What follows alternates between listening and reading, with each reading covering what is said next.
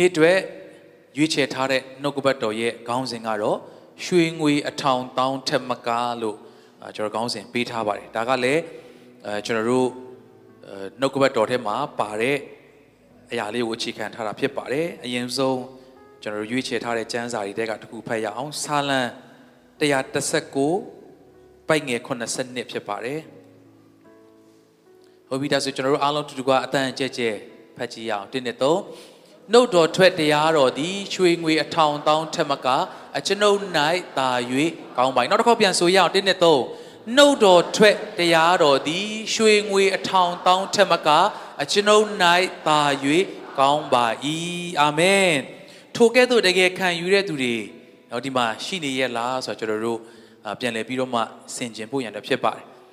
ဘာလို့လဲဆိုတော့ကျွန်တော်တို့ကမြင်ရတဲ့တန်ဖိုးရှိတယ်လို့ထင်ရတဲ့အပြင်ပန်းသတ်မှတ်ချက်တွေက ပို့ပြီးတော့မှတခါလေနေရာယူတတ်ပါတယ်။နေ့ဒီစံစာကိုဖတ်တဲ့အခါမှာစိတ်လှုပ်ရှားစရာကောင်းတယ်နော်။တော်ရုံတန်အောင်မဟုတ်ဘူး။နှုတ်တော်ထွက်တရားတော်ဒီရွှေငွေနော်နည်းနည်းလေးမဟုတ်ဘူး။အထောင်အတောင်းထက်မကအကျွန်ုပ်၌တာ၍ကောင်းပါ၏လို့စာလံစရာကဝန်ခံပလိုက်တယ်။ဒီနေ့ထိုကဲ့သို့ဝန်ခံနိုင်တော်သူများဖြစ်ဖို့ဘုရားရှင်ကောင်းကြီးပေးပါစေ။အာမင်။နော်ကျွန်တော်တို့ရွှေငွေအခုဆိုနော်ရွှေဈေးတွေကနော် မျက်ခြေမပြတ်လိုက်ကြည့်ရင်တော့မှ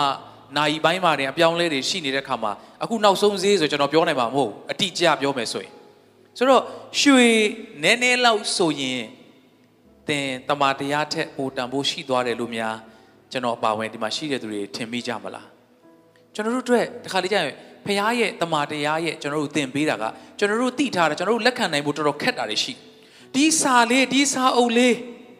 ဒါကရွှေငွေအထောင်တောင်းထမကတန်တယ်ပို့ပြီးတန်ဖိုးကြီးတယ်ဆိုတော့ဟုတ်ပါမလားဒါပေမဲ့လူတိုင်းအတွက်တော့ဖြစ်ချင်မှဖြစ်မယ်ဘာလို့လဲဆိုတော့ဒီမှာရေးထားတာရွှေငွေအထောင်တောင်းထမကကောင်းတယ်လို့အဲ့လိုပဲမပါပဲနဲ့အကျွန်ုပ်၌တာ၍ကောင်းတယ်ကိုယ်ပိုင်တန်ဖိုးဖြတ်လိုက်တာဖြစ်တယ်အာမင်ဒီနေ့သင်ကတန်ဖိုးဖြတ်လို့ရတယ် တန်ဖိုးဆိုတာတစ်ခါလေကြာရင်မသိတဲ့သူတွေအတွက်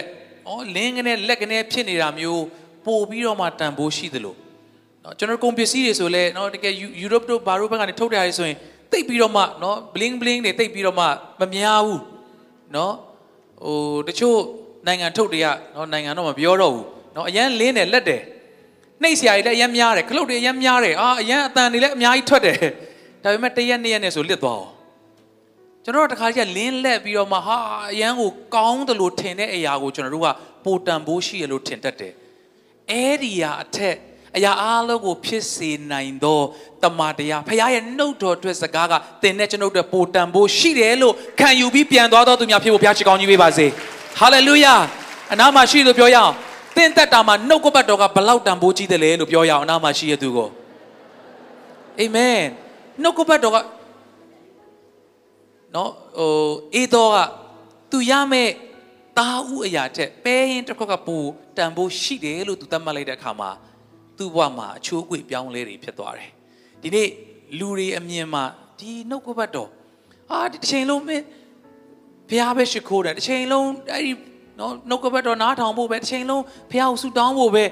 ဒါပေမဲ့မနားမလဲတဲ့သူတွေအတွက်တော့ဒါကအချီးနီးလို့အချိန်ကုန်သလိုငွေကုန်သလိုဖြစ်တယ် သို့တော်လဲနားလေသောသူတွေအတွက်တော့ပါ၍ကောင်းသောရာဖြစ်တယ်ဆိုတာကိုသိသောသူတွေဖြစ်တယ်ဟာလေလုယာထိုကဲ့သို့သိသောသူများဖြစ်ဖို့ရန်အတွက်ဘုရားသခင်ကောင်းကြီးပေးပါစေမသိဘူးဆိုရင်တော့ဒါကကျွန်တော်တို့အတွက်ဘာတန်ဖိုးမှမရှိသလိုဖြစ်သွားမယ်နေကျွန်တော်တို့ပြီးခဲ့တဲ့အပတ်တွေမှာလည်းပြောသလိုကျွန်တော်ရဲ့မိခင်နော်ကျွန်တော်ဖခင်နှုတ်ကပတ်တော်တစ်ချိန်ကြားရဖို့အတွက်နော်အသက်အန္တရာယ်ရှိလောက်အောင်တော့မှနော်ယင်းနီးပြီးတော့မှနှုတ်ကပတ်တော်တစ်ချိန်ကြားရဖို့အတွက်ဘာလို့လဲ သူ့အတွက်နှုတ်ကပတ်တော်ကအရန်ရေးကြီးတဲ့ခါမှာအဲ့ဒီနှုတ်ကပတ်တော်ကြားရဖို့အတွက်ဆိုရင်ဘလို့ပဲဖြစ်ဖြစ်ပေးဆက်ရဲတယ်ဘလို့ပဲဖြစ်ဖြစ်အာရင်းရဲတယ်ဘာလို့လဲအဲ့ဒီနှုတ်တော်အတွက်စကားတကယ်တမ်းနားလေသွားပြီဆိုရင်နော်ကပ္ပဦးကျမ်းကပ္ပဦးကျမ်းခန်းကြီး1နော်ကျွန်တော်အာပြီးရတဲ့မှာတော့ဘာမီဘူးလားမသိဘူးတော်တော်ကျွန်တော်ချက်လေးဖတ်ချင်ပါတယ်နော်ကပ္ပဦးကျမ်းခန်းကြီး1အငယ်1နဲ့2ဖတ်ချင်တယ် โอเคအစာဦး၌ဘုရားသခင်သည်ကောင်းကင်နှင့်မြေကြီးကိုဖန်ဆင်းတော်မူ၏ မြေကြီးသည်အစင်းတန်ရမရှိလွတ်လပ်လာဖြစ်၏နက်နဲရာအရက်ကိုမောင်မိုက်ဖုံးလွှမ်း၍ဖျားသခင်၏ဝိညာဉ်တော်သည်ရေမျက်နှာပြင်ပေါ်မှာလှုပ်ရှားတော်မူ၏အငယ်သုံးကိုလည်းတစ်ချက်လေးပြရအောင်ဖျားသခင်ကလည်းအလင်းဖြစ်စေဟုမိန်တော်ရှိ၍အလင်းဖြစ်လေ၏တဲ့မောင်မိုက်ဖုံးလွှမ်းပြီးလွတ်လပ်လာပြင်ဖြစ် ဘာမှမရှိသေးဘူးအလင်းလည်းမရှိဘူးဒါပေမဲ့အဲ့ချိန်မှာဖယားသခင်ကလည်းအလင်းဖြစ်စေလို့မိန်တော်မူတယ်တဲ့ဒီနေ့ဒီနှုတ်ကပတ်တော်ဆိုတာကစာအုပ်ကြီးပဲမဟုတ်ဘူးစလုံးကြီးပဲမဟုတ်ဘူးမရှိသေးတာကိုရှိစေနိုင်လောက်အောင်တကိုးကြီးသောဖခင်ရဲ့နှုတ်တော်အတွက်စကားဖြစ်တယ်ဟာလေလုယာဟာလေလုယာထိုနှုတ်ကပတ်တော်ကိုဂုဏ်ပြုသောဖြင့်လက်ခုပ်တီးတဲ့ဖခင်ကိုချီးမွမ်းကြရအောင်အာမင် ဆိုတော့အဲ့ဒီမှောင်မိုက်ဖုံးလွှမ်းနေတဲ့အရာကိုပဲဖခင်ကကြည့်ပြီးတော့မှဟာတအားမှောင်တယ်ကွာမဖြစ်နိုင်ဘူးဆိုတော့နည်းနည်းလေးလင်းအဲ့လိုမျိုးမဟုတ်မှောင်နေတယ်လွတ်လပ်လာပြင်နော်အမောင်ဖုံးလွှမ်းနေတယ်အဲ့ဒီနေရာကိုပဲကြည့်ပြီးတော့မှအလင်းဖြစ်စေလို့ပြောလိုက်တဲ့အခါမှာထိုအလင်းကနော်ယောဟန်ယောဟန်ကကြီးတစ်ထဲမှာလည်းပြန်ပါတယ်အလင်းရှိလာတဲ့အခါမှာအမောင်ကမနေရတော့ ဖခင်ကလင်းဖို့ပြောလိုက်တဲ့အခါမှာအဲ့ဒီနေရာမှာအလင်းဖြစ်လာဒါကြောင့်သင်ရဲ့မိသားစုထဲမှာဘယ်ဘယ်ကဏ္ဍမှာမှောင်သလိုခံစားရလဲဖခင်ရဲ့နှုတ်ကပတ်စကားကိုသင်နေရာပေးလိုက်ပါအာမင်သင်ရဲ့ကျမ်းမာရေးနဲ့ပတ်သက်တဲ့ကဏ္ဍမှာမှောင်မဲနေတယ်ဘာမှကိုလမ်းစားကိုမမြင်ရဘူးလားသင်ရဲ့သားသမီးတွေလိမ္မာရေးချမ်းရှိဖို့သင်ရဲ့သားသမီးတွေအနာဂတ်အတွက်စဉ်းစားလိုက်တဲ့အခါမှာမှောင်မိုက်ဖုံးလွှမ်းနေတယ်ဘာမှမျောလင့်ချက်မရှိဘူးလားနှုတ်ကပတ်တော်ကိုနေရာပေးလိုက်ပါ ထူးခြားတာကနှုတ်ကပတ်တော်ကအလင်းဖြစ်စေလို့ပြောတဲ့အခါအဲ့ဒီနေရာမှာရှိတဲ့အမောင်တွေကအဝေးကိုထွက်ပြေးသွားရတယ်ဟာလေလုယာသင်မိသားစုတွေမှာရှိတဲ့အမောင်တွေဟာနှုတ်ကပတ်တော်ရောက်လာတဲ့အခါမှာဖယ်ပေးရတာဖြစ်တယ်ဟာလေလုယာအာရပိုင်လက်ခုပ်တီးဖျားကိုချီးမွမ်းရအောင်အာမင်ကျွန်တော်တို့နိုင်ငံမှာကျွန်တော်တို့ရဲ့မိသားစုကျွန်တော်တို့အသက်တာကျွန်တော်တို့အသင်းတော်ကျွန်တော်တို့ပတ်ဝန်းကျင်မှာဘယ်ကဏ္ဍတွေမှာအယမ်းမောင်ပြီးတော့မှမျောလင့်ချက်မဲ့တယ်လို့ခံစားရတယ်လေဒီနေ့နှုတ်ကပတ်တော်ရောက်လာတဲ့အခါမှာ နော်ဆရာကင်းလည်းပြောတယ်နော်ဆရာမကောင်လည်းပြောတယ်ချူဆရာကြီးလည်းပြောပါတယ်ဖခင်ရဲ့နှုတ်တော်အတွက်စကားဘယ်လောက်ထိတကူကြီးတယ်လဲဖခင်ကသူပြောရင်ပြောတဲ့အတိုင်းဖြစ်ရတယ်သူကလိန်နော်ဆရာကင်းဆိုအမြဲပြောတယ်နော်ဖခင်ကလှုပ်လို့မရတာတခုရှိတယ်ဟာလူတွေကနော်လှုပ်လှုပ်လှုပ်ဖြစ်သွားတယ်ဘာဖြစ်ပါဘုရားအကုန်တတ်နိုင်တယ်လေဖះမလှုပ်တတ်တာမလှုပ်နိုင်တာကဘယ်တော့မှလိမ်မပြောဘူးတဲ့အာမင် तू ဘာလို့လဲဆိုတော့ तू က तू ပြောရင်ပြောတဲ့အတိုင်းဖြစ်စေနိုင်သောအစွမ်းတတ္တိကိုရှိသောဖះဖြစ်တဲ့အတွက်မှောင်နေပါတယ်လို့ပြောနေနေပဲအလင်းဖြစ်စေလို့ပြောလိုက်တဲ့အခါမှောင်လို့မရတော့ဘူးလင်းသွားတာအဲ့ဒါကျွန်တော်တို့ကိုးကွယ်သောဖះရဲ့တကူတော်ဖြစ်တယ်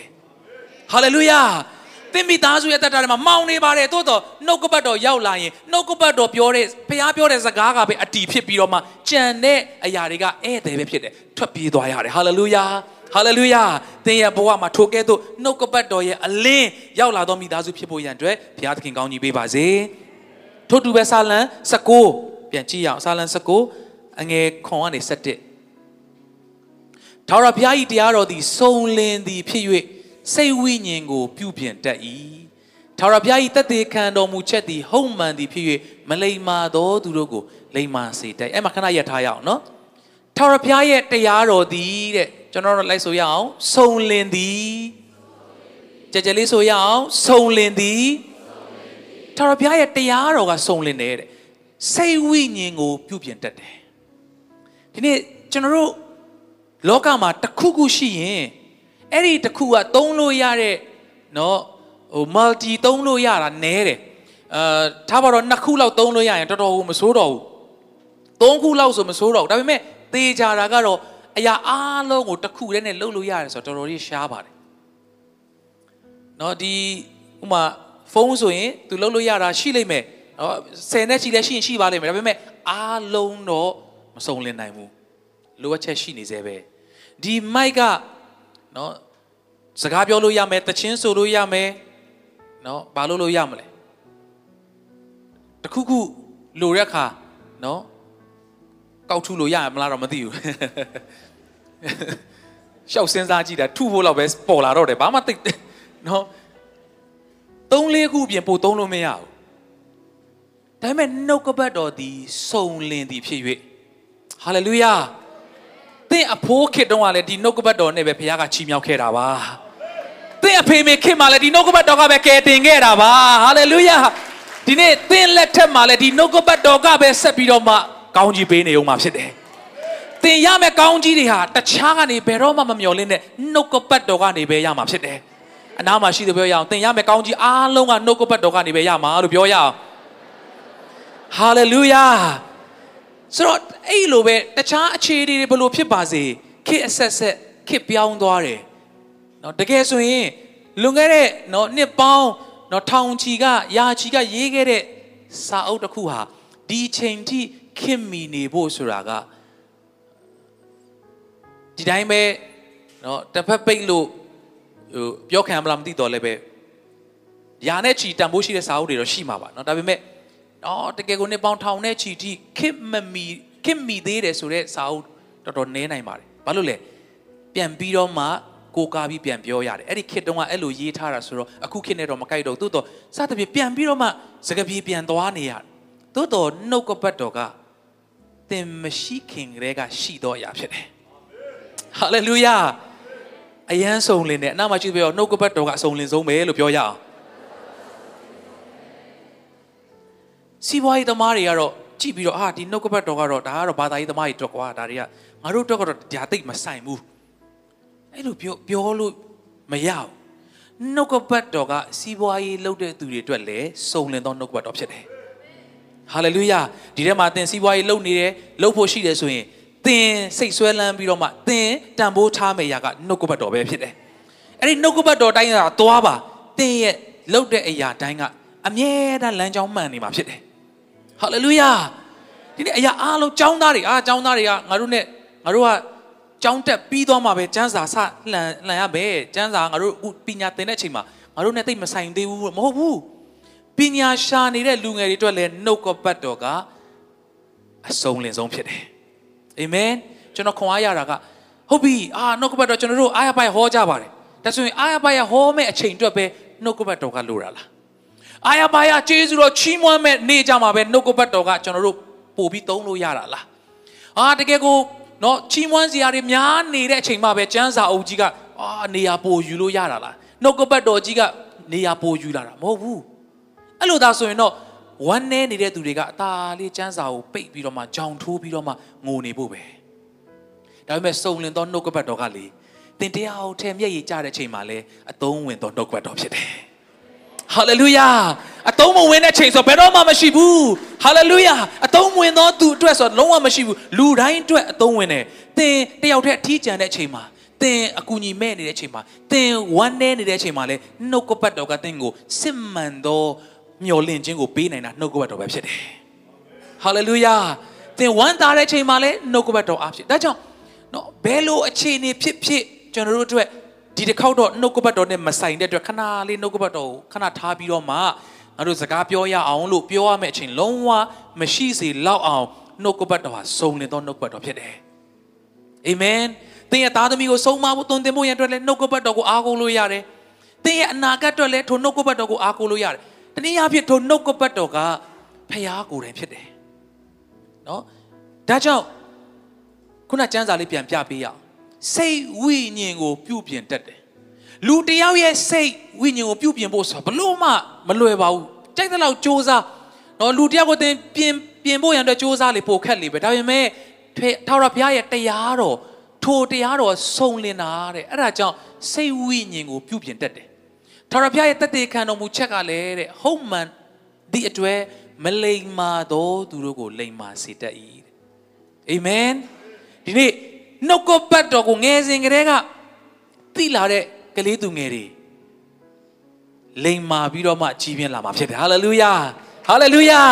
ကျွန်တော်သင်တော်ကကလေးသူငယ်များလိမ်မာတော့ကလေးသူငယ်များဖြစ်ဖို့ယေရှုနာမနဲ့ကောင်းကြီးပေးပါတယ်ကလေးသူငယ်များတို့လက်ခုပ်တီးပြီးတော့မှယေရှုတော်ချီးမွမ်းရအောင်အာမင် ဒါကြောင့်တမန်တရားရှိတဲ့ယဝန်းမှာကိုယ့်ရဲ့မိသားစုကိုကြီးပြင်းစေတယ်ဆိုရင်အဲ့ဒီတမန်တရားကလိမ်မာသွားစေတာဖြစ်တယ်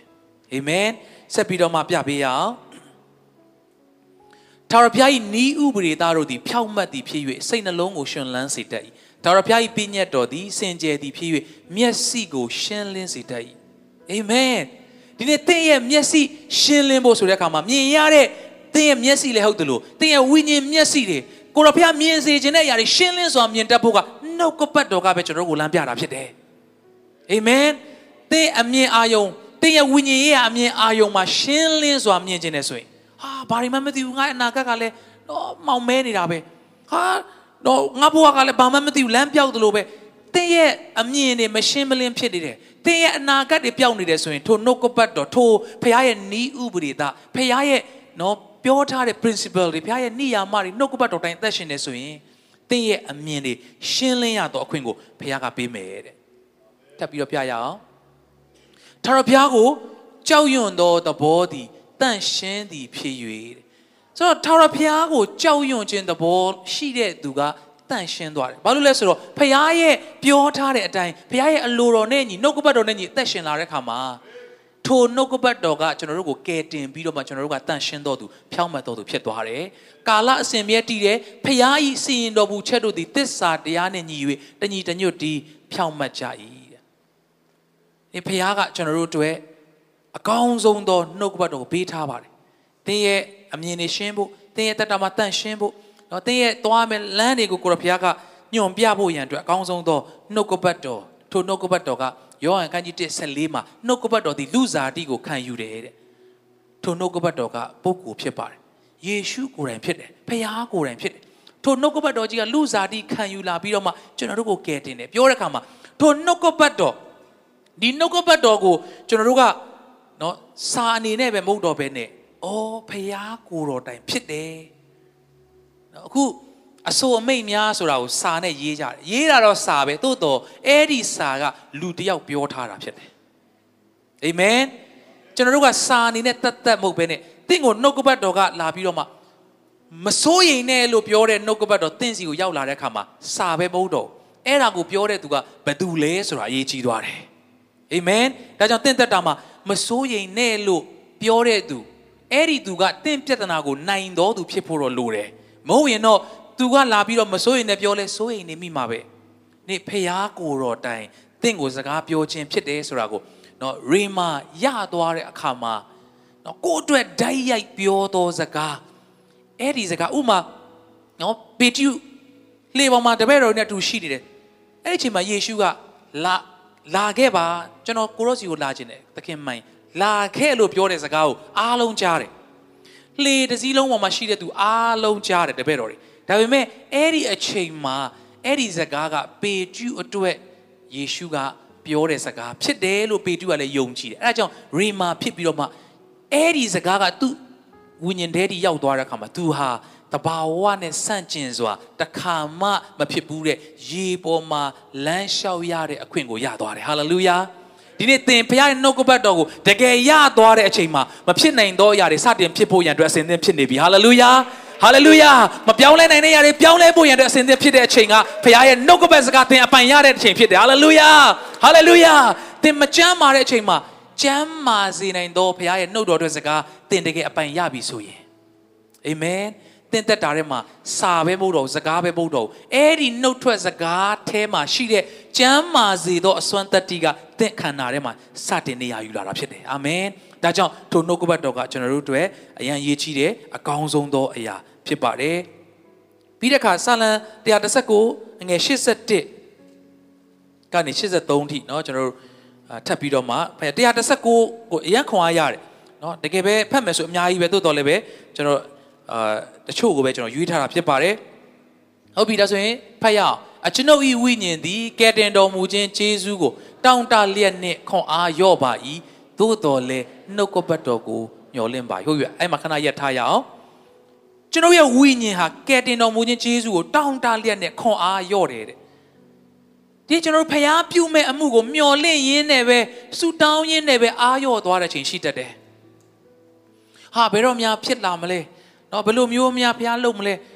ကိုရောရဲ့ဂျေဇုနဲ့ကယ်တင်ခြင်းကိုမျှော်လင့်ရင်မျှော်လင့်ရင်နဲ့ပဲအားတွေရော့လာတတ်ပါတယ်လူဖြစ်တဲ့အခါမှာဒါပေမဲ့စာလန်ဆရာကဒီမှာသို့တော်လဲတဲ့ကျွန်တော်နောက်ကဂျေဇုပြုလိုက်ဆိုစေခြင်းနဲ့သို့တော်လဲနှုတ်ကပတ်တော်ကိုမျှော်လင့်ပါ၏အဲ့ဒါကသင်နဲ့ကျွန်ုပ်တို့အရေးကြီးဆုံးဖြစ်တယ်ဟာလေလုယာသင်နဲ့ကျွန်ုပ်မျှော်လင့်နေတာကဘာလဲတတခုခုပျက်စီးသွားတယ်တခုမဖြစ်နိုင်တဲ့အရာ အော်ကျွန်တော်တို့မျောလင့်ထားတာတွေမဖြစ်တော့မဲ့ပုံစံရှိတဲ့အချိန်မှာတော့ကျွန်တော်တို့မှာမျောလင့်စရာရှိတယ်တဲ့အဲ့ဒါကတော့နှုတ်ကပတ်တော်ကိုကျွန်တော်ဆက်မျောလင့်လို့ရတယ်ဟာလေလုယာသင်သက်တာထဲမှာအရာအလုံးပျက်စီးသွားတယ်လို့သတ်မှတ်လို့ရတဲ့အချိန်မှာသင်အဲ့ဒီရှိတဲ့ခွန်အားလေးနဲ့နှုတ်ကပတ်တော်ကိုဆက်မျောလင့်နေဆိုရင်အဲ့ဒီနှုတ်ကပတ်တော်ကိုသင်တကယ်ရသွားပြီဆိုရင်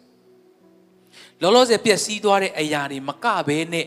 တခါမှမရှိသေးတဲ့အရာတွေပင်လင်ရှိစေနိုင်သောတကိုးရှိသောနှုတ်ကပတ်တော်ကတင်ရသွားပြီဆိုရင်လေတင်ဆုံးရှုံးသွားတာတွေမကဘဲနဲ့မရှိသေးတဲ့မရှိနိုင်မဲ့အရာတွေပင်လင်ထိုနှုတ်ကပတ်တော်ကပြန်လဲရှိစေလာမှာဖြစ်တယ်ဟာလေလုယာဟာလေလုယာဒါကြောင့်အရေးကြီးဆုံးကကျွန်တော်တို့က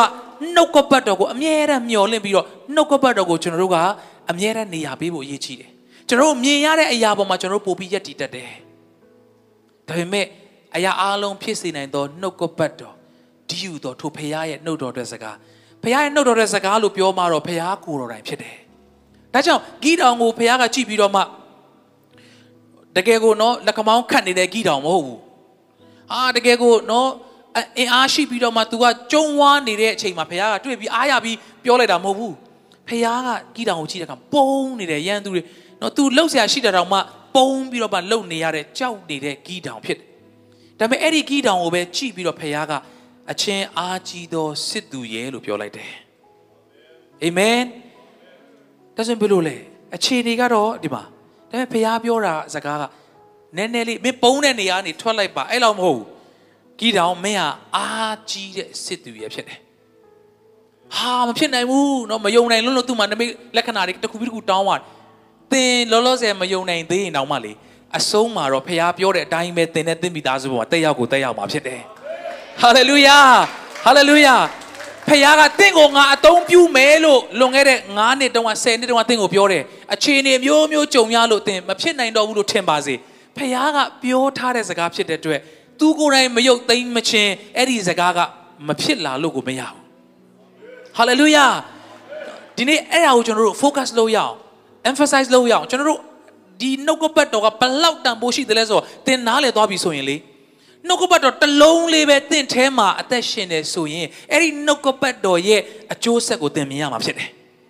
အာမင်ဒီဆိုတော့နော်ဟိုဒါဥပမာပြောပြတာပေါ့နော်တစ်လုံးလေးပဲဆိုဟာအဲ့ဆိုရင်ငါနော်ငါထဲမှာအရင်များနေပြီလို့မဖြစ်စေချင်ဘူး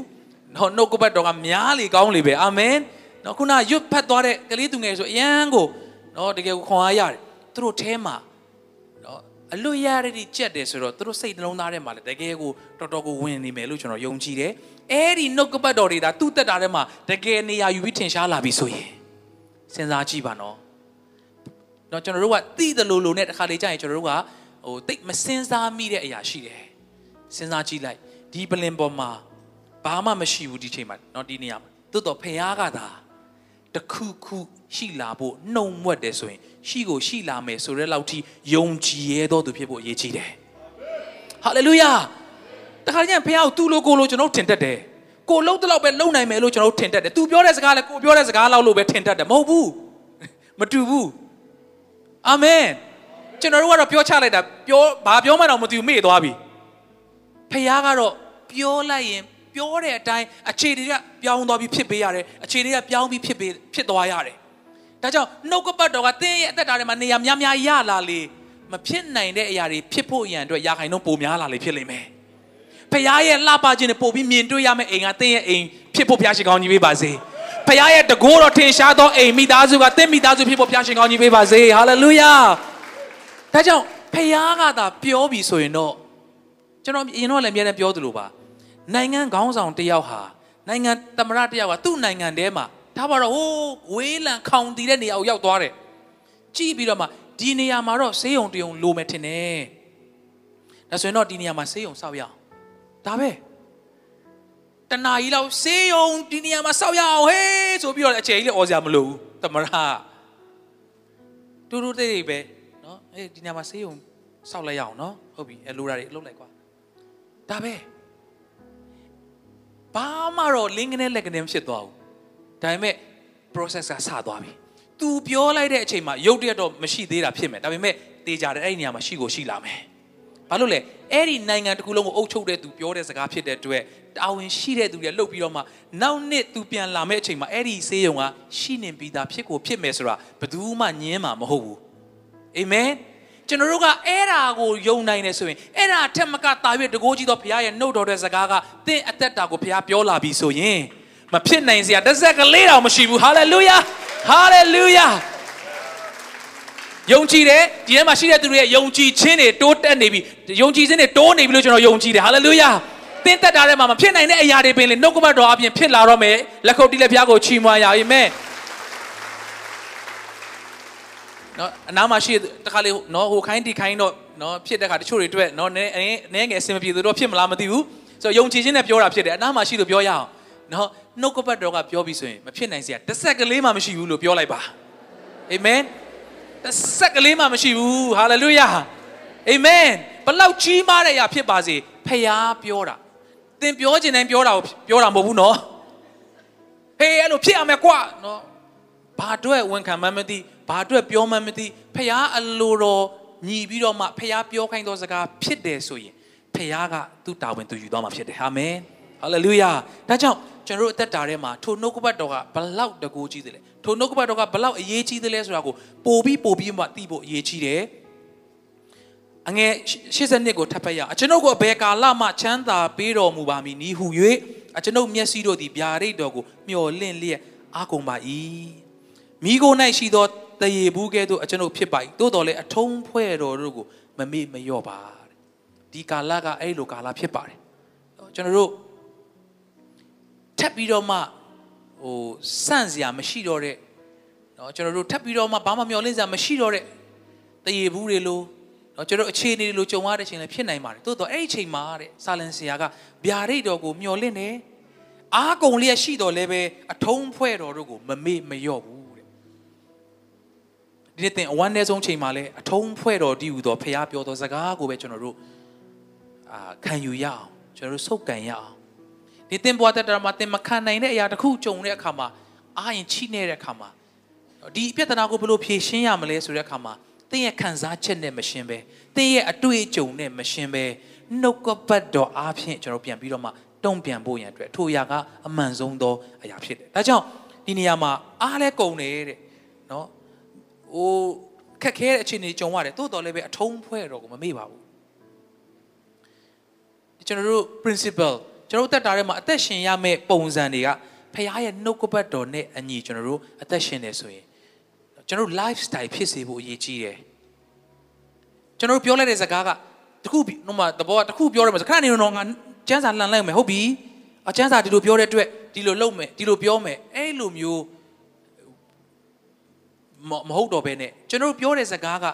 ကျမ်းစာကကျွန်တော်တို့ထဲမှာနှုတ်ကပတ်တော်ကျွန်တော်တို့ထဲမှာနေရာယူလာပြီးတော့မှအသက်ဖြစ်ပြီးတော့မှ နော်တကယ်ကို lifestyle ဖြစ်လာတဲ့အခါဥပမာကျွန်တော်တို့ကားမောင်းစဆိုရင်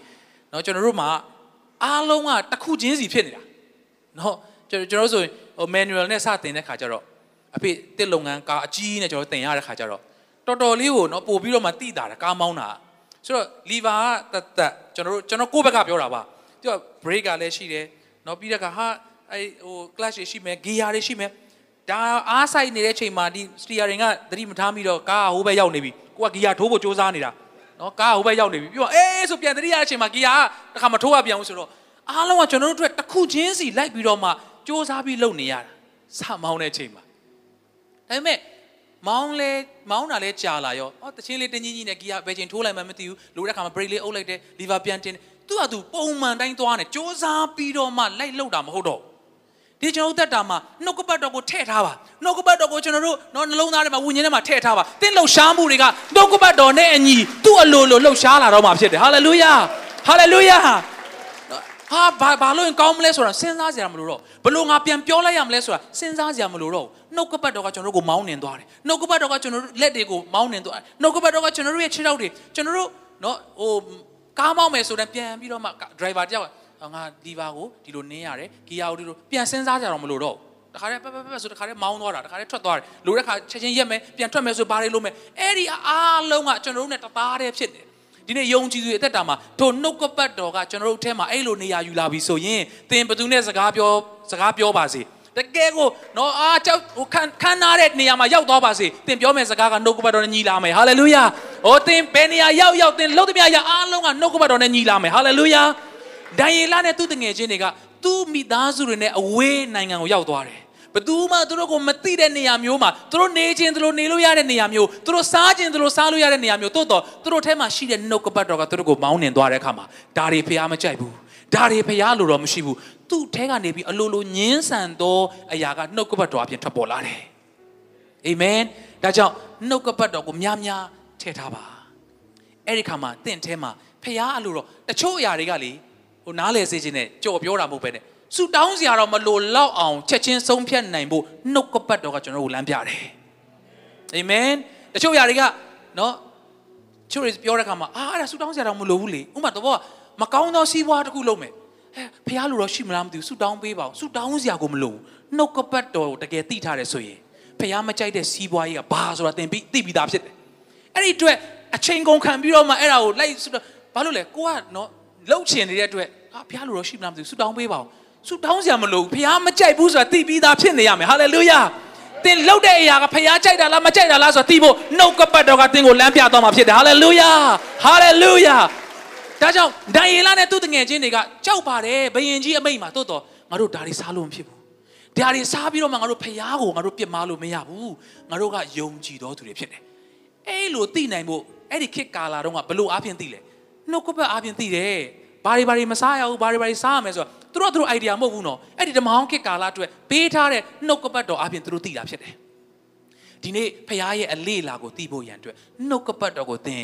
တုံမိထားတဲ့အခါမှာသင်လုပ်ရမယ့်အရာသင်သွားရမယ့်အရာသင်ဘလို့နေထိုင်ကြင့်ကြံရမလဲဆိုတာကစဖခင်ကကျွန်တော်တို့ကိုလမ်းပြတော်မှာဖြစ်တယ်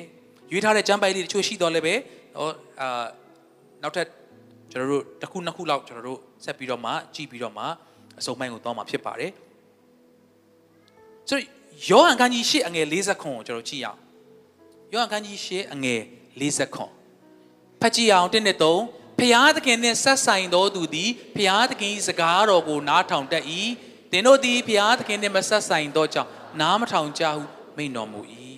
ဟုတ်ပြီဖျားရဲ့စကားကိုနားထောင်တဲ့သူဟာဖျားနဲ့ဆက်ဆိုင်သောသူဖြစ်တယ်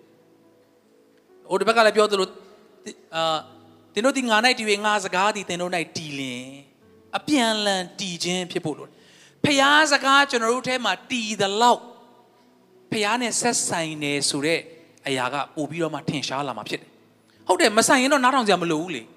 သင်ကိုဖန်ဆင်းတဲ့ဖျားနဲ့သင်ဆိုင်တယ်လို့ခံစားတယ်သိတယ်ဆိုရင်ဒီနှုတ်ကပတ်တော်အားလုံးဟာသင်နဲ့ကျွန်တော်နဲ့ဆိုင်တယ်ဒါကြောင့်ဒီနှုတ်ကပတ်တော်ဟာခရိယန်တွေပဲဖတ်ဖို့မဟုတ်ဘူးလူသားအားလုံးနဲ့ဆိုင်သောနှုတ်ကပတ်တော်ဖြစ်တယ်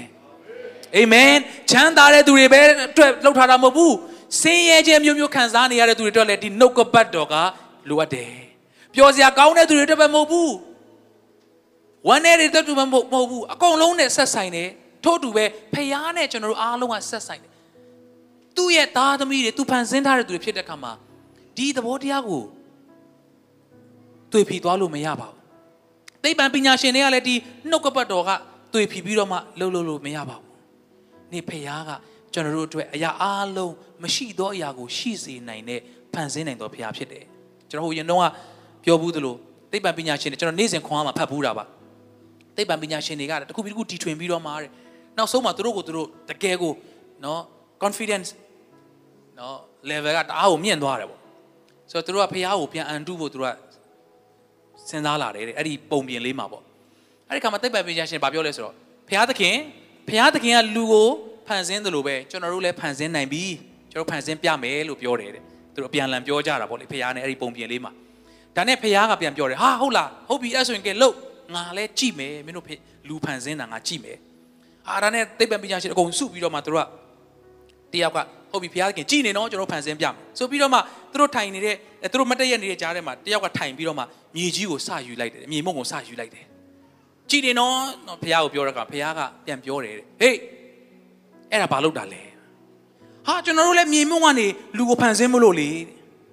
ဖခင်ကအေးမင်းတို့လူကိုဖန်ဆင်းမယ်ဆိုကြိုက်တဲ့ဟာနဲ့ဖန်ဆင်းငါဖန်ဆင်းထားတဲ့မြေမုံကိုတော့လောလောဆယ်ပြန်ချထားလိုက်နှုတ်ကပတ်တော်ဟာအရာအလုံးဖြစ်တယ်အစအဦးဆုံးလည်းဖြစ်တယ်ဟာလေလုယာမရှိသောအရာကိုရှိစေနိုင်သောဘုရားလည်းဖြစ်တယ်အာမင် နှုတ်ကပတ်တော်ကသင်တဲ့ကျွန်ုပ်တို့ကုံချမ်းလည်းဖြစ်တယ်ကုံကြောလည်းဖြစ်တယ်ဟာလေလုယာမင်းတို့ကိုယ့်ကိုဖန်ဆင်းမှာငါဖန်ဆင်းထားတဲ့မြေမုံကိုလုံးဝမကင်နဲ့ကျွန်တော်တို့ကလွတ်ပြီးလို့ထင်တာနှုတ်ကပတ်တော်နဲ့လွတ်တော်အရာဖန်ဆင်းခြင်းနဲ့လွတ်တော်အရာတစုံတစ်ခုမှမရှိပါဘူးအာမင်ဒါကြောင့်ဒီနှုတ်ကပတ်တော်ကိုရပြီဆိုရင်လေသင်အရာအားလုံးကိုရတာဖြစ်တယ်ဆိုတာနားလည်စေခြင်းနဲ့အာမင်လက်ခုပ်တီးလက်ဘုရားကိုချီးမွမ်းကြရအောင်အာမင် ဟုတ်ပြီတက်တေကန်ချက်လေးနော်နှစ်ခုအတိုလေးနှစ်ခုပြောပြီးတော့မှကျွန်တော်တို့အဆုံးသတ်ပါမယ်ဖိလိပ္ပိအခန်းကြီး၄အငယ်19ကိုအရင်ဆုံးဖတ်ချင်တယ်ဖိလိပ္ပိအခန်းကြီး၄အငယ်19ဒါကကျွန်တော်ရဲ့မိခင်ရဲ့အာအသက်တာမှာကျွန်တော်မိသားစုတစ်ဖျားပေးပြီးတော့မှအဲ့ဒီနှုတ်ကပတ်တော်အပြင်ကျွန်တော်တို့ရှောက်လန်းခဲ့ရတဲ့နှုတ်ကပတ်တော်တစ်ခုလည်းဖြစ်ပါတယ်အတူတူကဖတ်ကြည့်ရအောင်တင်းနဲ့သုံးငါဤဖျားသခင်သည်ဘုံအာနုဘော်၌စံပယ်တော်မူသော စီးစိမ်ရှိသည့်အတိုင်း သင်တို့အလိုရှိသမျှတို့ကိုယေရှုခရစ်အားဖြင့်ပြည့်စုံစေတော်မူလိမ့်မည်တဲ့အာမင်ဒီနှုတ်ကပတ်တော်ကသင်နဲ့သင်မိသားစုတဲ့ဖြစ်တယ်လို့ယုံကြည်တော်သူတွေအသက်တာလက်ခံတော်သူအသက်တာမှာလည်းထိုကဲ့သို့တက်ရောက်ဖို့ဖျားရှင်ကောင်းကြီးပေးပါစေဆိုတော့ကျွန်တော်တို့ဟိုအရင်တော့လည်းပြောအမေကိုယ်တိုင်လည်းပြောမှုပါတယ်နော်ဒီကျမ်းပိုက်လေးသူရတဲ့အချိန်မှာကျွန်တော်တို့ခက်ခဲတဲ့အချိန်တချို့ကျွန်တော်ဖြတ်တန်းခဲ့ရတဲ့အခါမှာကျွန်တော်မုံရွာမှာကျွန်တော်ငယ်ငယ်တုန်းကအရန်ပူတယ်ညညဆိုရင်အမေကနော်ဟိုရက်တောင်ခတ်ပေးရတယ်အိမ်မှာပန်ကာလည်းမရှိဘူးအဲ့ဒါနဲ့အမေကဘယ်လောက်ထိဖြစ်လဲဆိုတော့ကျွန်တော်ရက်ခတ်ပေးတဲ့အခါမှာလူကအိတ်သွားပြီလက်ကဆက်သွားနေတယ်အကျင့်ပါပြီးတော့နော်ကလေးတွေကိုပူလွန်းလို့နော် तू အိတ်အိတ်ပျော်သွားပြီလက်ကဆက်ပြီးတော့ရက်ခတ်ပေးနေတယ်အဲ့လောက်ထိဒါပေမဲ့အကျွေးတွေကလည်းများတယ်ကျွန်တော်အမေများတဲ့တက်သေးခံသလိုအချိန်တစ်ခုမှာပေါ့နော်အကျွေးတွေအများကြီးရှိတယ်အာ အမျိုးမျိုးသောကြုံရတဲ့အရာတွေနိုင်ငံရေးခြေတွေမှာဆိုင်အမျိုးမျိုးရှိတဲ့အခါမှာအရန်ခက်ခဲတယ်အရန်ခက်ခဲတယ်ဒါပေမဲ့အဲ့ဒီအချိန်မှာဒီနှုတ်ကပတ်တော်ကရောက်လာတယ်နှုတ်ကပတ်တော်ရောက်လာတယ်ဆိုတဲ့စကားကိုကျွန်တော်အရန်ခွန်အားရတယ်ဘာလို့လဲဆိုတော့ရောက်လာတယ်ဆိုတော့ပို့ပြီးတော့အရန်တင်ရှားတယ်ယေရမိကထောင်ဝင်းထဲမှာရှိတဲ့အချိန်မှာနှုတ်ကပတ်တော်ကဒုတိယအချိန်ရောက်လာတယ်တဲ့ဒီနေ့သင်သက်တာသင်မိသားစုကိုနှုတ်ကပတ်တော်ရောက်လာသောနေ့ဖြစ်ဖို့ဘုရားရှင်ကောင်းကြီးပေးပါစေဟာလေလုယာ ကျမ်းမာခြင်းနှုတ်ကပတ်တော်သင်အသက်တာတဲ့ကိုရောက်လာသောနေ့ဖြစ်ဖို့ဘုရားရှင်ကောင်းကြီးပေးပါစေလွတ်မြောက်ခြင်းနှုတ်ကပတ်တော်သင်သက်တာတဲ့ကိုရောက်လာသောနေ့ဖြစ်ဖို့ဘုရားရှင်ကောင်းဘုရားရှင်ကောင်းကြီးပေးပါစေအဲ့ဒီခါမှာနော်ဒီနှုတ်ကပတ်တော့ကျွန်တော်အမတွေအကိုတွေចောင်းသွားပြီဆိုကျွန်တော်နဲ့အမေနဲ့ဆူတောင်းပြီးဟိုသူ့လှုပ်ရှားရှိတာလှုပ်လှုပ်လှုပ်ပြီးကျွန်တော်ကိုရေတွေပိုက်ချိုးပေးနော်တနခါတွေပိုက်လိမ့်ပေးပြီးကဲလာဆူတောင်းရအောင်စမ်းစာအုပ်လေးနဲ့နော်ကျွန်တော်ဆူတောင်းတဲ့အချိန်လေးကျွန်တော်မှတ်မိတယ်ဒီနှုတ်ကပတ်တော့ကျွန်တော်တော်တော်ငယ်သေးတော်လည်းပဲမှတ်မိတယ် အဲ့မှာသူကျွန်တော်နော်ရှင်းပြတယ်ဆူတောင်းပေးတယ်မိသားစုအားလုံးရှင်းပြတယ်ဆူတောင်းတဲ့အခါမှာအဲ့ဒီနှုတ်ကပတ်တော့ကကျွန်တော်တို့အတွက်တကယ်ဖြစ်တယ်ဆိုတာကိုကျွန်တော်ယုံကြည်တယ်အဲ့ဒီခါမှာနော်ကျွန်တော်တေချာတော့မမှတ်မိဘူးအဲ့ဒါကိုကျွန်တော်အမတွေရောအမေတွေလည်းခဏခဏပြန်ပြောတယ်အဲ့နှုတ်ကပတ်တော်ကကျွန်တော်အထဲကိုတကယ်ရောက်လာပုံရပါတယ်အဲ့ဒီချိန်မှာတကယ်ယုံကြည်ရဲသွားတယ်ဖះကဘုံအာနုပေါ်မှာစံပယ်ပြီးတော့မှနော်တကယ်ပဲစီးစိမ်ရှိတဲ့ဖះဖြစ်တယ် အဲ့ဒီဖះကယေရှုခရစ်တော်အပြင်ငါတို့ကိုပေးနိုင်တယ်ဆိုတာကိုယုံကြည်သွားတဲ့အခါမှာလောလောဆယ်တော့ဘာမှမရှိဘူးသို့တော့ကျွန်တော်အမေကိုပြောတယ်တဲ့အမေနော်ဖះကကောင်းကြီးပေးပြီးတော့မှပန်ကာဝယ်နိုင်တဲ့ခါကျရင်ဘယ်မှာထားဒီမှာထားရင်ကောင်းမယ်နော်ဟိုမှာထားရင်ကောင်းမယ်ဆိုပြီးတော့မှယုံကြည်ခြင်းနဲ့ပြောလာတယ်တဲ့အာမင်မမြင်ရသေးဘူးနော်သို့တော့နှုတ်ကပတ်တော်အရင်ရောက်လာတယ် တင့်သက်တာထဲမှာမရှိသေးတာတကူရှိလာဖို့ရန်အတွက်တခြားကနေမမျော်လင့်နဲ့တင့်သက်တာထဲမှာတင့်ဝိညာဉ်ထဲအထိနှုတ်ကပတ်တော်အရင်ဆုံးရောက်လာဖို့လိုတယ်တစ်ဖက်ကလည်းနှုတ်ကပတ်တော်တကယ်ရောက်လာပြီဆိုရင်တော့မကြခင်တင့်မျက်စိနဲ့မြင်ရဖို့ကနီးနီးလေးပဲကြံတော့တယ်ဟာလေလုယာဟာလေလုယာဟာလေလုယာပြီးကျွန်တော်တို့နော်ဆိုင်ဆိုင်တစ်ဆိုင်မှာသွားပြီးစားတဲ့ခါမှာပြောလိုက်တယ်မရောက်လာသေးဘူးဒါပေမဲ့စောင့်နေတယ်ဘာလို့လဲပြောလိုက်တယ်ပြောတဲ့အတိုင်းရောက်လာမယ်ဆိုတော့ကျွန်တော်တို့သိတယ် ဒီဖခင်ကတင့်အတွက်ပြောပေးတယ်တင်ဆိုင်မှာနော်ဟိုလှုပ်ဆောင်ပေးတဲ့ဝိတ်တာတွေကိုတင်မှာတလောက်တောင်မယုံကြည်ရတဲ့ချိန်ရှိတယ်တင်လျှောက်မှာတာမဟုတ်ဖခင်တင့်အတွက်ပြောပေးတဲ့စကားဖြစ်ဖို့အရေးကြီးတယ်တင်အတွက်ပြောပေးတယ်တင်ချမ်းချမ်းမာခြင်းအရင်လိုအပ်နေတယ်ဘလို့မှမဖြစ်နိုင်ဘူးအနာရောဂါခံစားအဲ့ချိန်မှာဖခင်ကတင်းရဲ့ချမ်းမာခြင်းအတွက်ပြောလိုက်တဲ့အချိန်မှာချက်ချင်းဖြစ်နိုင်တယ်လို့သို့မဟုတ်ခဏနေမှာသို့မဟုတ်ဖခင် အချိန်ပြည့်တဲ့အခါဖခင်အလိုတော်ရှိတဲ့အချိန်မှာနော်ချက်ချင်းတချို့ဖြစ်ချင်မှဖြစ်မယ်ဘိုလ်ချုပ်နေမှနော်တစ်ချိန်နဲ့နဲ့ဘာမှမပြောင်းလဲဘူးခုနှစ်ချိန်ထိအချိန်တခုစောင့်ရတာလည်းရှိနိုင်ပါတယ်တိုးတော့ဖခင်ကနှုတ်ကပတ်စကားတင့်တွက်စေလို့ပေးပြီဆိုရင်အဲ့ဒီအနာရောဂါငြိမ်းခြင်းကသင်အသက်တာထဲမှာတကယ်ကိုထင်ရှားလာတာဖြစ်တယ်အာမင်ဒါကြောင့်ကျွန်တော်တို့နှုတ်ကပတ်တော်ကိုအဲ့လောက်ထိယုံကြည်ဖို့အရေးကြီးတယ်သင်ရဲ့အသက်တာထဲမှာ ငွေချေးအခက်အခဲရှိနေသလားအကျွေးတွေရှိနေသလားကျွန်တော်နှုတ်ကပတ်တော်အတိုင်းအမှန်သိသွားတဲ့အခါမှာကျွန်တော်တို့အသက်ရှင်မှုဥမာဟိုကျွန်တော်တို့ဟိုဘက်ဒီဘက်ပေါ့နော်မလွတ်သွားအောင်ဟာအကျွေးချေဖို့ကြီးပဲကျွန်တော်တို့ကနှုတ်ကပတ်တော်ကိုအသုံးပြုဖို့မဟုတ်ဘဲနဲ့ငွေကြေးဘယ်လိုသုံးဆွဲရမလဲဆိုတာကိုပါနှုတ်ကပတ်တော်နဲ့ကျွန်တော်တို့ကလေ့ကျင့်သုံးသွားထားဖို့လိုအပ်တယ်။ဒါဆိုရင်တစ်ချိန်မှာအကျွေးမရှိဘူးဆိုတဲ့အသက်တာကိုနှုတ်ကပတ်တော်အားဖြင့်သင်ရောက်သွားမှာဖြစ်တယ်။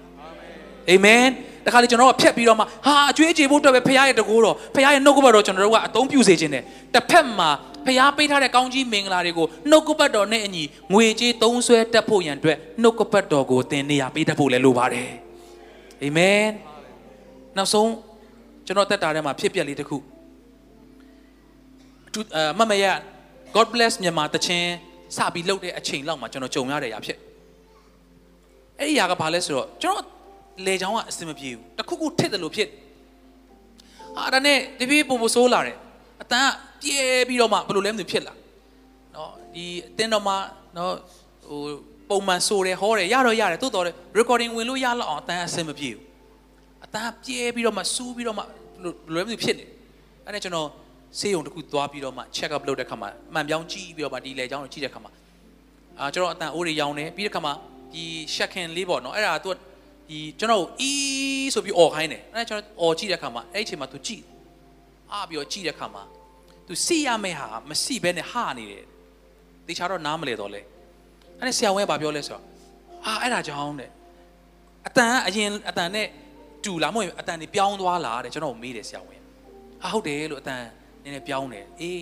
အဲ့ဒီဟာကြောင့်အဲ့ဒီမစီတဲ့ဟာကြောင့်ဒါပေမဲ့ခက်တာကအဲ့ဒီဟာစီဖို့ရန်အတွက်စေးတော့မရှိသေးဘူးတဲ့ ဘာမှလုပ်လို့မရဘူးတဲ့အဲ့ဒီအတန်အိုးရောင်တာတွေအတွက်တော့စေးပေးလို့ရတယ်တိုးတော့အဲ့ဒီဟာနေတဲ့ဟာကိုစီသွားဖို့တော့စေးမရှိသေးဘူးအဲ့လိုပြောလာတယ်တပြေးပြေးနဲ့ကျွန်တော် recording လုပ်ဖို့ကြိုးစားတယ်တိုးတော့အတန်လုံးဝအဆင်မပြေဘူးဆိုကြည့်တယ်ကျွန်တော်တပုတ်နှစ်ပုတ်ဆိုကြည့်တယ်ကွန်မွန်ဘီစတူဒီယိုမှာတိုးတော့အဆင်မပြေဘူးပြန်ရက်ထား God bless မြန်မာ album အာတကယ်ကိုဆိုမယ်ထုတ်မယ်လုပ်ထားတယ်တိုးတော့ရက်ထားဒါနဲ့ပြန်လာတယ်ဈေးတချို့တော့ပေးတယ် တမနက်မှာကျွန်တော်အတန်တော်တော်လေးအချိန်နေဆိုးတယ်လို့ကျွန်တော်ပိုခံစားလာတဲ့ခါမှာကျွန်တော်ဂီတာယူပြီးတော့မှကော့တစ်ခုတီးပြီးတော့မှကျွန်တော်တချင်းအတန်စမ်းဖို့လုပ်လိုက်တဲ့ခါမှာကျွန်တော်နော်တော်တယ်တက်တယ်မဟုတ်တော့လည်းပဲအတန်နဲ့ပတ်သက်ရင်ကျွန်တော် sensitive ဖြစ်တယ်ကိုကကိုနည်းနည်းရိုင်ရင်လည်းလက်မခံနိုင်ဘူးနော်အဲ့လိုမျိုးဖြစ်တဲ့ခါမှာဆိုကြည့်လိုက်တဲ့ခါမှာအန်ဟောစရာကောင်းလောက်ကျွန်တော်တီးတဲ့ခီးနဲ့ကျွန်တော်ဆိုတဲ့အတန်နဲ့ကလွဲနေတယ် ကျွန်တော်အတန်ကျွန်တော်ထိန်းလို့မရတော့ဟာအဲ့ဒီချိန်မှာခေါင်းကြီးသွားတယ်ငါနောက်ထပ်တခြင်းဆိုလို့မရတော့ရင်ဘယ်လိုလုပ်မလဲတော်တော်လေးစိန်ခေါ်မှုကြီးပါတယ်တက်စ조사ကြည့်တယ်ခီးထဲမှာမရှိဘူးကျွန်တော်မျက်ရည်ကျဂီတာကင်ပြီးကျွန်တော်အိမ်အခန်းထဲမှာဒါပေမဲ့ကျွန်တော်အဲ့ဒီအချိန်မှာဆူတောင်းဖခင်ရဲ့ဝိညာဉ်တော်လမ်းပြမှုကကျွန်တော်ဆူတောင်းလိုက်တယ်ကိုတော့ ကျွန်တော်တခြင်းမဆိုနိုင်တော့ရင်တောင်မှကျွန်တော်တခြင်းရေးခြင်းအပြင်ဖခင်ဘူးတော်မှာဆောင်လို့ရသေးတယ်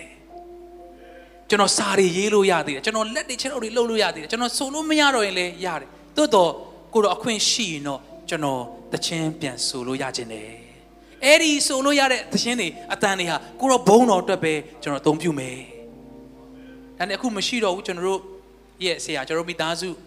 ရဲ့နော်ဝိညာဉ်ရေးရာမှာကျွန်တော်တို့အမြဲတမ်းလမ်းပြပေးတဲ့ဆရာမငယ်ရှိပါတယ် ခုတော့သူခေါ်တော်မူခြင်းခံရပြီသူ့ကိုကျွန်တော်ဆူတောင်းခိုင်းတဲ့ခါမှာသူကကျွန်တော်ကိုကြမ်းပိုက်လေးတစ်ခုနဲ့ခွန်အားပေးပါတယ်ဒါကတော့ယောမခန်းကြီး7အငယ်29ဖြစ်ပါတယ်တခြားအရာတွေကမဖြေရှင်းနိုင်တဲ့အချိန်မှာနှုတ်ကပတ်တော်နေရာယူလာဖို့ပဲအရေးကြီးတယ်အဲ့နှုတ်ကပတ်တော်ကအဘယ်သို့နီးယူဘူးကဘုရားသခင်ပေးသနာတော်မူခြင်းခေါ်တော်မူခြင်းဂျေဇုသည်ဖောက်ပြန်ခြင်းသဘောမရှိတဲ့ဟာလေလုယာဟာလေလုယာဆရာကကျွန်တော်ကိုပြောတယ် မင်းကိုဘုရားကအတန်အားဖြင့်သူ့အမှုတော်မှာအမှုဆောင်ဖို့ခေါ်ထားတာအဲ့ဒီခေါ်ခြင်းကဘယ်တော့မှဖောက်ပြန်စရာအကြောင်းမရှိဘူးမင်းတခြင်းပြန်ဆိုလို့ရကိုရမယ်ဟာလေလုယာကျွန်တော်လုံးဝမဆိုနိုင်တဲ့အချိန်မှာဒီနှုတ်ကပတ်တော်က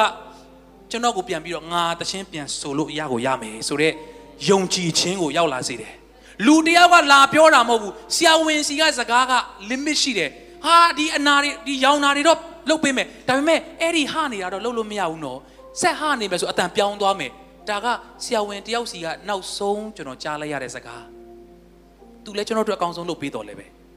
ဒါပေမဲ့ဖះနှုတ်ကပတ်တော်ရောက်လာတဲ့အခါအခြေအနေတွေတော့မဆိုင်ဘူးဒါပေမဲ့သူခေါ်ထားခြင်းအတွက်ဖောက်ပြန်တဲ့သဘောမရှိဘူးဒါကြောင့်ကျွန်တော်ကိုကျွန်တော်ပြန်မြင်လာတယ်အာရပါရတခြင်းဆိုချီးမွမ်းတော်သူဖြစ်ကျွန်တော်ဝိညာဉ်ထဲမှာပြန်မြင်လာတယ် ဘယ်အရာကကျွန်တော်ကိုလွတ်မြောက်စေလဲအဆုံးမှာနှုတ်ကပတ်တော်ကပဲကျွန်တော်ကိုပြန်ပြီးတော့လွတ်မြောက်စေတယ်နှုတ်ကပတ်တော်ကပဲကျွန်တော်ကိုမတ်တက်ပြန်ရက်စေတယ်အာမင်